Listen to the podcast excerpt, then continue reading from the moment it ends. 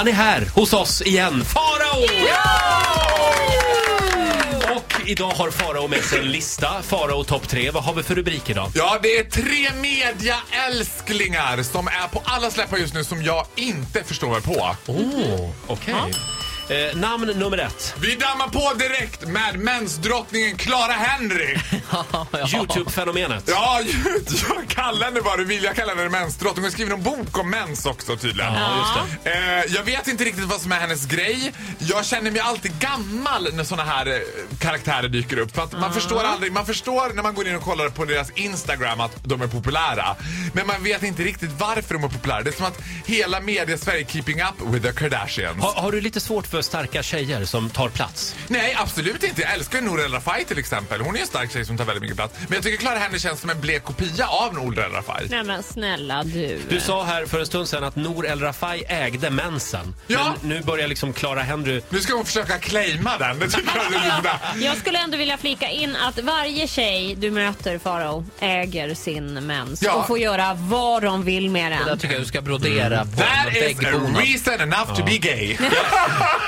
Jag, håll- jag håller med dig Farao om att eh, det här hon gjorde i Melodifestivalen förra året, den här pausunderhållningen. Ja, just det. Uh, det var skämskudde. Vi, vi går vidare. Namn nummer två. Ja, det är det igen Melodifestivalen här. Och ett annat Youtube-fenomen som jag inte riktigt förstår mig på. Det har ju, nu har de ju offentliggjort vilka som ska leda Melodifestivalen och en av de här är ju William Spets. Underbar! Ja. Ja, okej. Jag, jag tycker inte det för jag förstår inte riktigt. Så här, jag blir lite stressad av honom. Jaha. För jag blir stressad av personer som alltid är glada på det där sättet han är. Det är väldigt stora ögon. Vänta, Vä- Farao, snälla. Ja. Ska du inte ta dig, ta och titta dig själv i spegeln? Nej men jag är inte... Vet, vet du vilket brådjup jag sitter inne på? Vet du vad som egentligen rasar bakom den här fasaden? Nej. Är du inte rädd för honom för att det här är en rival? What on earth are you insinuating? Tycker Är jag är du rädd för att han ska ta över ditt mediala utrymme? Ja, lite kanske. Alltså, om jag, Jag blir också stressad när han, han har gjort något ihop med Mark Levengood. Och Mm. det tycker jag känns som något konspirations och hopkok. Jag gillar inte det där. Eh, nu släpper vi William Spets. Namn nummer tre. Daniel Paris. Shivers up my spine. Alltså. Daniel Paris, för de som inte vet det, han slog ju igenom i det här tv-programmet. eh, Ung och bortskämd. Ja, för några år sedan. Ja, Och och nu, jag... nu har han typ en miljard följare på Instagram. Ja, och han har också varit här och jobbat. Han har ju varit Ja. eran sidekick ett tag. Och, alltså jag kan säga, jag har utvecklat den konstigaste jävla guilty pleasure man kan ha. Det är sen jag inte kan sova på nätterna. Då runt så här halv tre, tre snåret, då börjar jag kolla på YouTube-klipp på Daniel Paris och ligger i sängen och m- morrar som en gammal liksom, sugga. Och bara, Nej, som en gammal bitterbög. ja, som en gammal bitterbög. Jag, bara, jag kan inte förstå det. Jag kan inte förstå det. men vad är det du vill förstå? Vad hans grej Men är? jag försöker fatta varför. Så här, jag tycker det är någonting väldigt obehagligt med folk som inte har någon som helst åsikt. Han har inte åsikt om något. Han älskar alla, han gillar allt. Han är så här... Mm, ja, och sen tycker jag så här att Lilla Lindholm, nej bu! Eller alltså jag menar jag gillar henne, fast inte så här, jag gillar henne fast, ja men alltså ni fattar, jag gillar henne fast ändå inte, fast jag tycker ändå att hon är så här, men hon är okej liksom. Du tycker Va, att han är lite oklar? Va, vad menar du?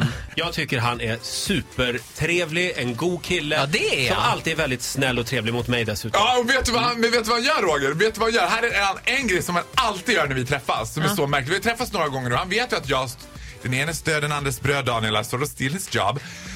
Varje gång vi ses på någon fest Oj, oj, så oj, hälsar oj. han på mig som att det är första gången vi ses.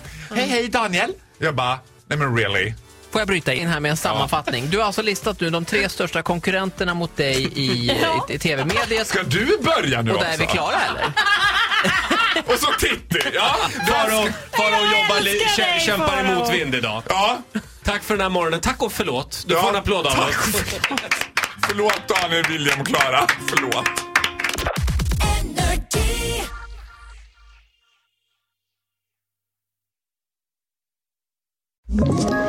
Ett poddtips från Podplay.